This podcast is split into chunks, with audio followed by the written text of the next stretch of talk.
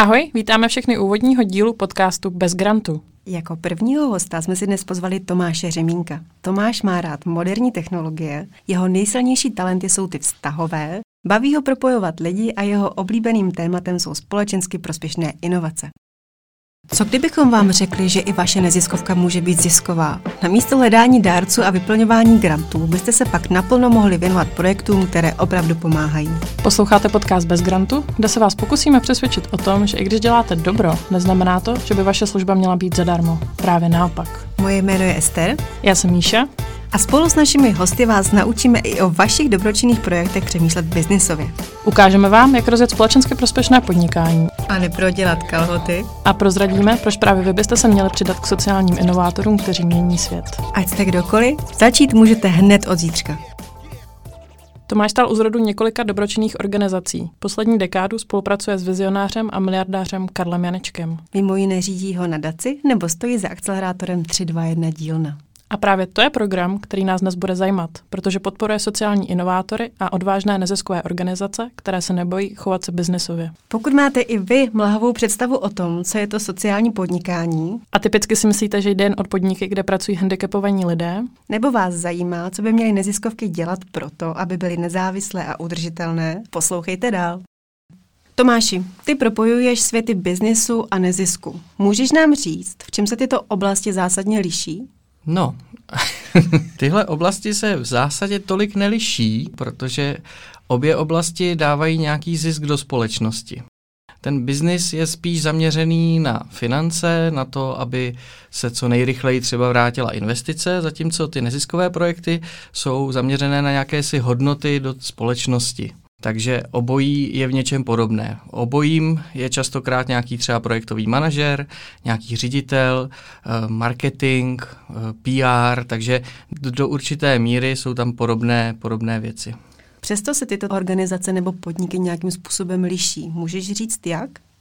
Neziskové organizace z pravidla vyhledávají granty, získávají finanční prostředky, ať už od nadací, nebo od státu, nebo od jednotlivců za to, co dělají. Zatímco biznis, tak ten si na sebe musí vydělat, ten má nějaké zákazníky, kteří platí za služby nebo produkty.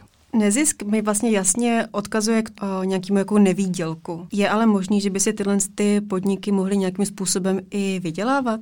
Určitě ano, my se o to snažíme, ale ten výdělek veškerý, která ta nezisková organizace má, by měl jít zpátky do té neziskové organizace. To znamená, nejsou tam nějaký společníci, jako podobně jako v SROčku, kteří si potom třeba přerozdělí zisk, ale veškerý výdělek jde potom zpátky do organizace a na její rozvoj a na ty obecně prospěšné aktivity. Takže neziskovky můžou být financovány kromě grantů nebo sponzorských darů, taky tak, že si vydělají sami. Říká se tomu více zdrojové financování, je to tak? Vícezdrojové financování je v okamžiku, kdy ta organizace nemá jenom jeden zdroj financí, ale má jich víc. To znamená, vícezdrojové financování obecně je, že nemáte třeba jenom grant od ministerstva, vymyslím si školství, protože v okamžiku, kdy vám potom to ministerstvo školství další rok třeba ty finance nedá, ten grantový příspěvek, no tak eh, vy budete horko těžko najednou schánět eh, na svůj provoz nějaké finance. V okamžiku, kdy máte eh, více zdrojové financování, tak můžete mít finance ať už třeba právě od eh, ministerstva, nebo od kraje, od města, od nějaké nadace, od nějaké firmy, od nějakých jednotlivců a případně z vlastní výdělečné činnosti.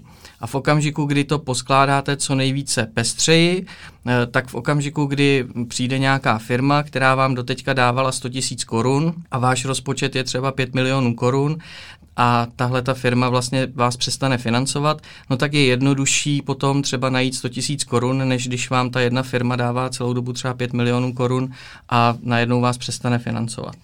Takže by si řekl, že více zdrojové financování je pro neziskové organizace ideální nebo nejvhodnější forma?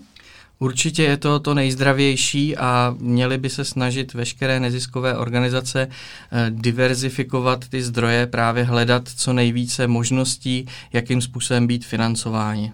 Během své pracovní doby se určitě setkáváš s mnoha neziskovkama. Je tahle praxe už běžná? Neziskové organizace tohleto častokrát vědí, nicméně občas se objeví pro mě jakýsi trochu něčem nešvar a to je, že třeba nezisková organizace dostane na dva, tři roky peníze z evropských strukturálních fondů, poměrně třeba velkou částku, vymyslím si právě 8 milionů korun, probíhá projekt, oni jsou v něm e, velmi zacílení, myslí jenom na ten projekt a zapomenou na to, že jim do těch dvou let ten e, finanční dar nebo ten grant vyprší.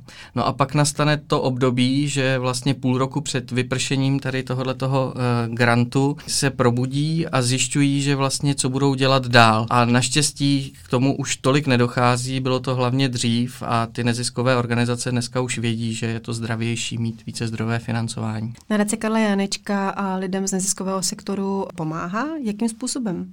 My máme e, několik možností a několik projektů a programů, jakým způsobem to děláme. Pro nás vlastně paradoxně ty finance jsou někdy až jako na posledním místě.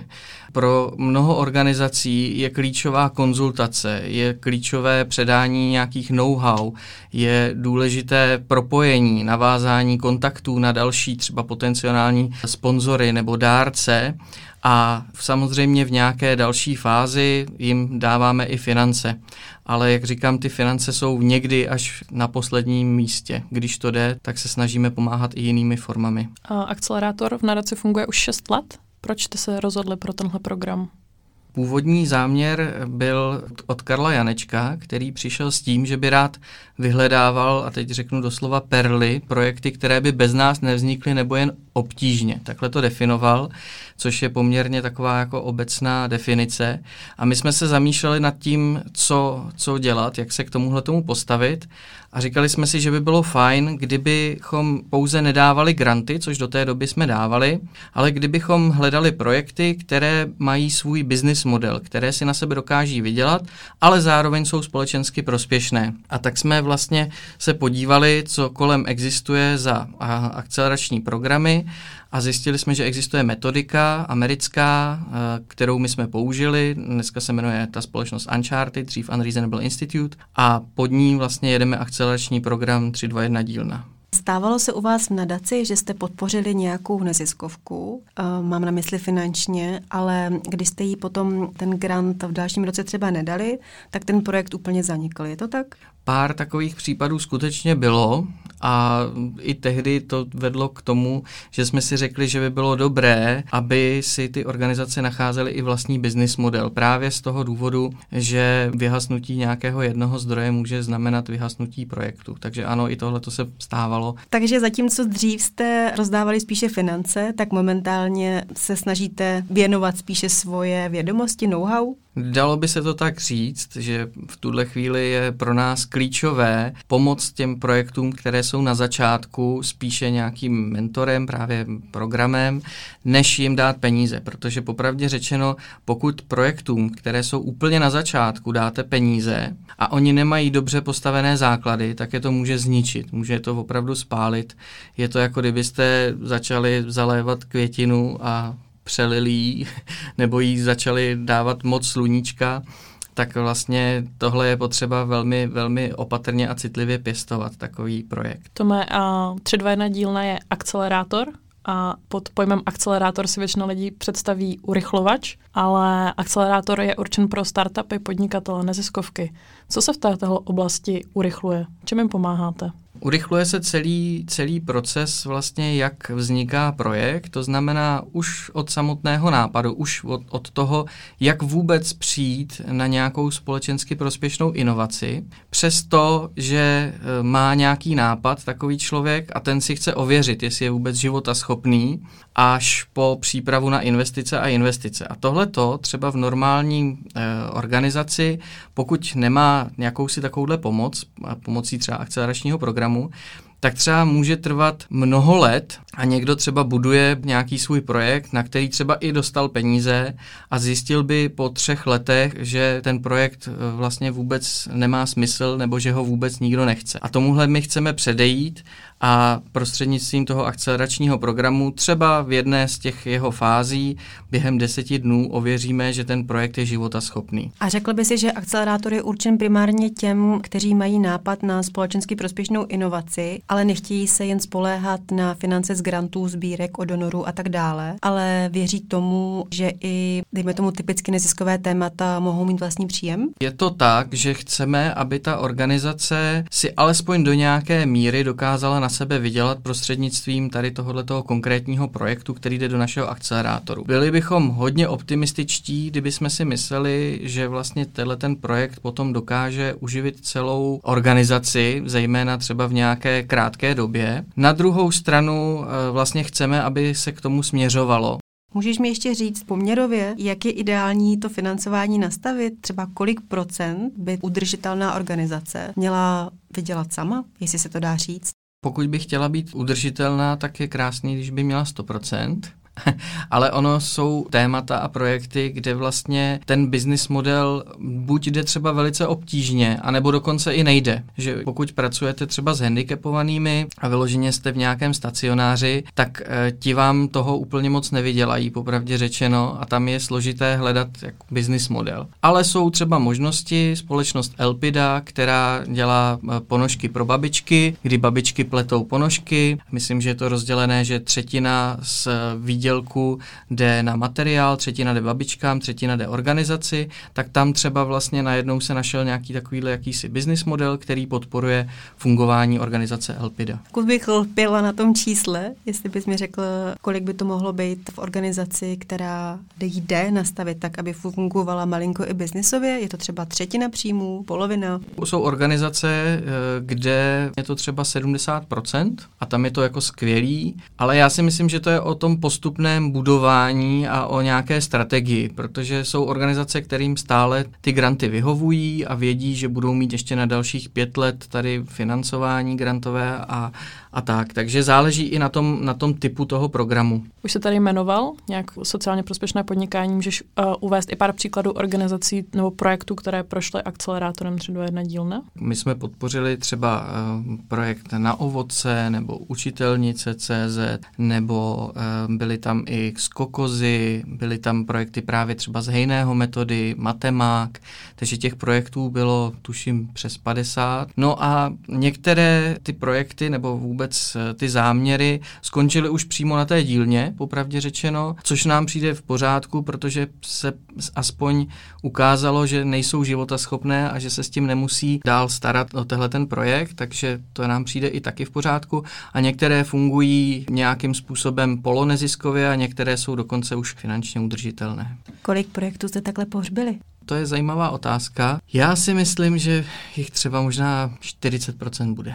Ale vnímáte to jako dobrý krok? Vnímáme to jako dobrý krok, protože někdy se stává i to, a my to máme zaměřený spíš na ten tým, než na ten projekt, že ten tým, který je šikovný a akční a který, který měl nějaký záměr, vymyslí něco nového. Něco, co vlastně je třeba právě zajímavějšího pro tu společnost, o co ta společnost stojí. A to nám přijde důležitější, než aby se drželi vlastního nějakého záměru původního. Ty jsi zmiňoval, že se často stává, že se nepotvrdí ta hypotéza, se kterou tam ty projekty přijdou. Jak to vlastně ty týmy snášejí? Jaká je reakce a jak vy je podporujete v tom, že se jim vlastně rozpadne jejich záměr, jejich projekt, jejich dítě? Musím říct, že to je poměrně emočně náročné pro mnoho týmů, protože když tam přijdou se svým vymazleným projektem v úvozovkách dítětem, do kterého jsou zamilováni a potom třeba během jednoho nebo dvou dnů zjistí, že o to jejich baby, o to jejich miminko vymazlené, nikdo nemá zájem a že vlastně to jako není pro společnost zajímavé, tak jsou samozřejmě velice zklamaní. Ale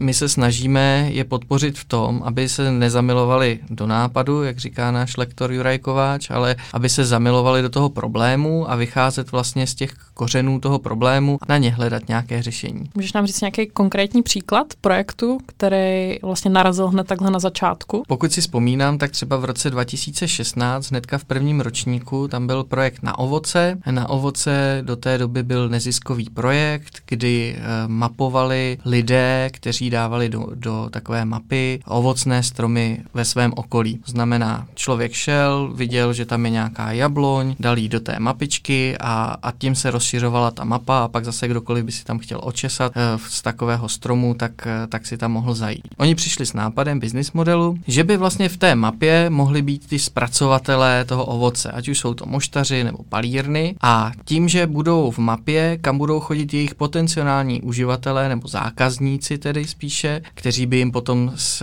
ty, z těch ovocných e, stromů nosili věci na vypálení nebo na moštování, tak ti, že by vlastně ti zpracovatelé zaplatili za to, že mohou být v té mapě. Takže to byla taková hypotéza business modelu. Nicméně, a myslím si, že už to bylo hnedka po prvním dní, vyjeli mezi první eh, potenciální zákazníky, což by v tomhle případě teda byly ty palírny a, a moštárny, a vrátili se zpátky úplně nešťastní, protože zjistili, že vlastně o to nikdo nestojí když se bavili s nějakou palírnou, moštárnou, tak říkali, prosím vás, nás tady v okolí všichni znají, my máme práce až nad hlavu. A jako aby jsme byli v nějaké mapě a za to si ještě platili, no vy jste se úplně zbláznili. No a v tom okamžiku vlastně oni se vrátili, teď bych řekl doslova jak spráskaní psy a říkali, vy nás vyhodíte z akceleračního programu. A se říkají, ne, to jako pojďme se vrátit k těm kořenům, pojďme si říct, eh, kde by se to dalo najít, nějaký business model a tak dále. No a vlastně se tam vymyslel, že by mohl vzniknout e-shop, že vlastně to gro toho programu, který je, že zároveň je, aby se vracely původní odrůdy stromů do krajiny,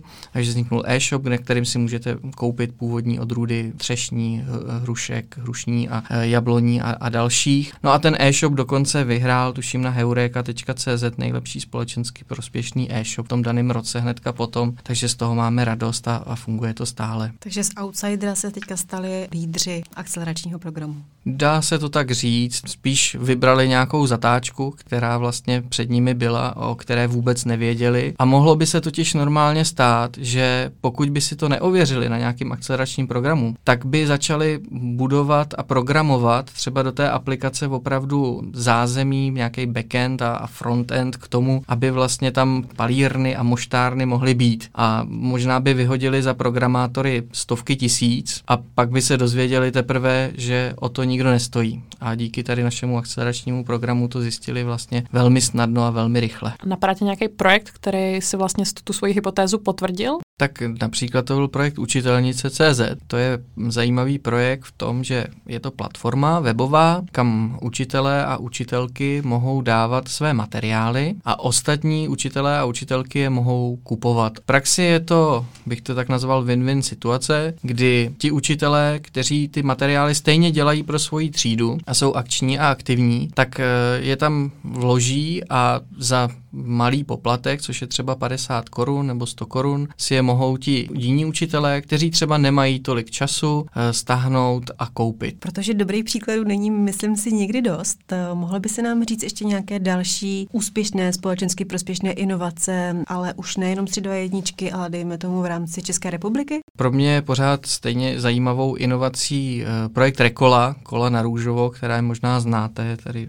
ve, ve všech různých městech, Praha, Brno, Olomouc, České Budějovice. A tam je opravdu zajímavý příběh, protože to začínalo jako taková punková nezisková organizace, kde repasovali kola stará a natírali je na růžovo, aby eh, se mohla sdílet. Ale postupně z toho vzniknul social business, sociální podnikání, úzce spolupracují s městy, protože třeba i mapují eh, anonymně teda data, kudy ta kola jezdí, tak eh, se dá zmapovat snadno, kde jsou různé zácpy, kde by bylo fajn udělat třeba cyklostezky, takže vlastně to přerostlo celý projekt, původně takový neziskový, příjemný, společensky prospěšný biznis. Teď jsme tady slyšeli pár příkladů, ale možná bychom se mohli ještě malinko vrátit a vrátit se k definici. Mohl by se nám říct, co to ta sociální inovace vlastně je? Sociální inovace je nějaký produkt nebo nějaká služba, eh, která řeší problém u samotné příčiny, u samotných kořenů. A sociální inovace může být i nezisková nezisková nebo polo, polozisková nebo zisková. Eh, to záleží na tom potom, jak k tomu kdo přistoupí. A jaký je rozdíl mezi sociálními inovacemi a společensky prospěšným podnikáním? Každé podnikání z mého pohledu by mělo být společensky prospěšné. To, které ne- není, tak by mohlo mít vlastní definici. Nicméně sociální inovace je širší pojem. Sociální inovace může právě být i nezisková, jak jsem říkal, zatímco eh, sociální inovace biznisová je v podstatě společensky prospěšné podnikání. A společensky prospěšné podnikání a sociální podnikání jsou synonyma? Pro mě ano a pro mnoho dneska už v České republice lidí také. Na začátku sociální podnikání bylo vlastně v očích zejména veřejnosti pouze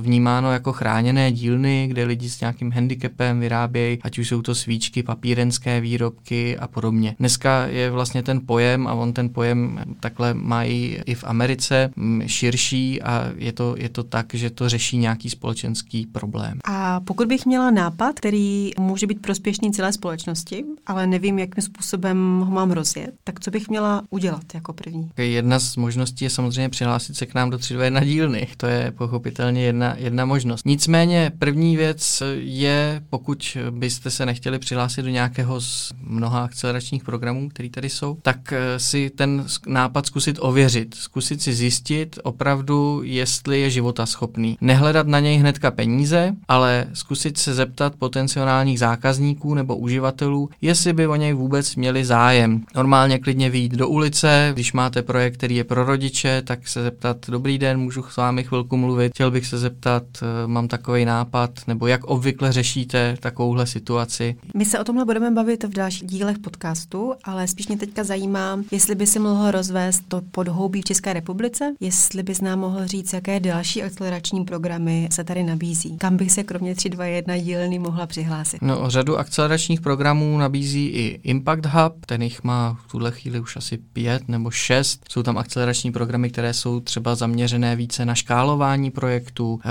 více třeba na, na ekologii a tak podobně. Eh, jsou tady akcelerační programy, akcelerátory a někdy i inkubátory, eh, které jsou víc třeba jako podnikatelštější, což má třeba Jihomoravské inovační centrum a ty neziskovější jsou třeba, to má zase dneska už Skautský institut, takže dá se vybrat z toho pléna tady těch akceleračních programů, co je komu zrovna nejvhodnější a nejpřínosnější. Podporuje sociální inovátory nějakým způsobem i stát? Ano, Ministerstvo práce sociálních věcí vyhlásilo několik grantových programů pod evropskými strukturálními fondy, které právě inovace a inovátory třeba v rámci nějakých budování kapacit podporují. A kromě akcelerátorů a tady tohohle programu ministerstva jsou v České republice ještě nějaké další formy pomoci? Ještě vedle toho existují jakési inkubátory a inkubátory se zaměřují na, teď bych řekl, vypiplání projektu od opravdu takového malého semínka až po obrovskou rostlinu. Takže eh, se starají opravdu o vše, pomáhají těm projektům i správními věcmi, ekonomickými věcmi, technickými třeba věcmi, aby se mohli soustředit třeba pouze na tu inovaci. Takže existují i třeba například takovéhle inkubátory. Existují tady mentorské programy, kde vlastně projekt dostává nějakého mentora na nějakou určitou dobu a ten mentor uh, ho pomáhá vlastně nastartovat ten projekt a provází ho určitými fázemi, pomáhá mu třeba i se strategií, s,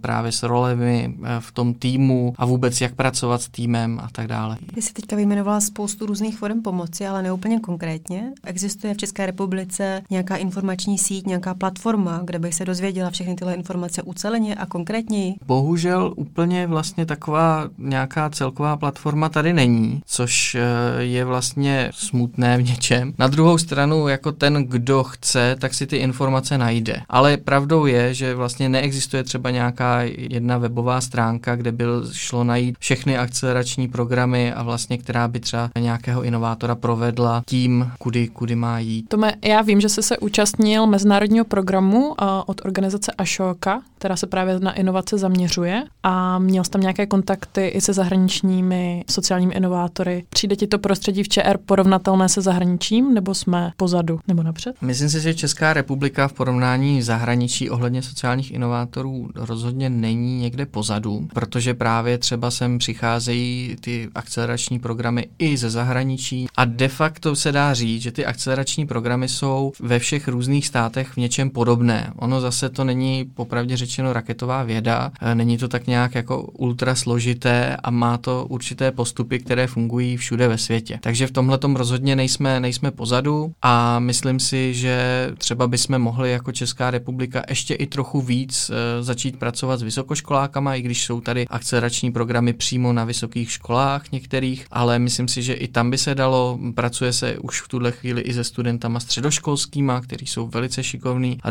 dokážou vymýšlet opravdu zajímavé eh, inovativní nápady. Nicméně eh, zajímavých nápadů není nikdy dost a myslím si, že pořád je tady ještě v tomhle prostor. Tomáši pracuje i nadace Karla Janečka v tomhle módu, to znamená, eh, že se snaží mít více zdrojové financování a má tím pádem nějaké projekty, které jsou udržitelné? Nadace Karla Janečka primárně je, je v tuhle chvíli v úvozovkách závislá na grantech od Karla Janečka, respektive na darech od Karla Janečka. Nicméně snažíme se i my uh, dát nějaký jiný příjem, než je od Karla Janečka, takže třeba uh, v tomto roce, v roce 2021, jsme vydali knihu Laskavci, což je kniha o sedmi příběhů laskavých lidí, kteří dělají něco nezištně pro své okolí a tuhle tu knihu prodáváme, zároveň výtěžek z té knížky asi 252 korun jde na podporu těm laskavcům, takže i tady vlastně se nám nějaké finance vrací zpátky.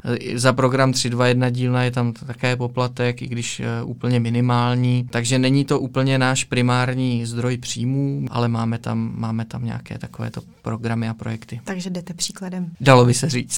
Tome, máme na tebe ještě jednu poslední otázku. Jakou radu bys dal neziskovkám, které chtějí mít více zdrojové financování nebo začínajícím podnikatelům? Určitě, aby se nebáli, aby se nebáli do toho jít, aby se nebáli i selhání třeba, protože to někdy těžce nesou, ale aby se nebáli toho otestovávat svůj program a pochopitelně bych jim dal radu, že pokud si nevědí rady, ať už jak najít svůj nápad nebo jak ho ověřit, tak ať se přihlásí k nám do 321 dílny na Dace Karla Janečka. 321 dílna je skvělý program, takže my se přidáváme k Tomášovi a pokud se budete chtít dovzdělat, přihlaste se i vy. Děkujeme Tomášovi za dnešní rozhovor. Děkuji ještě jednou za pozvání.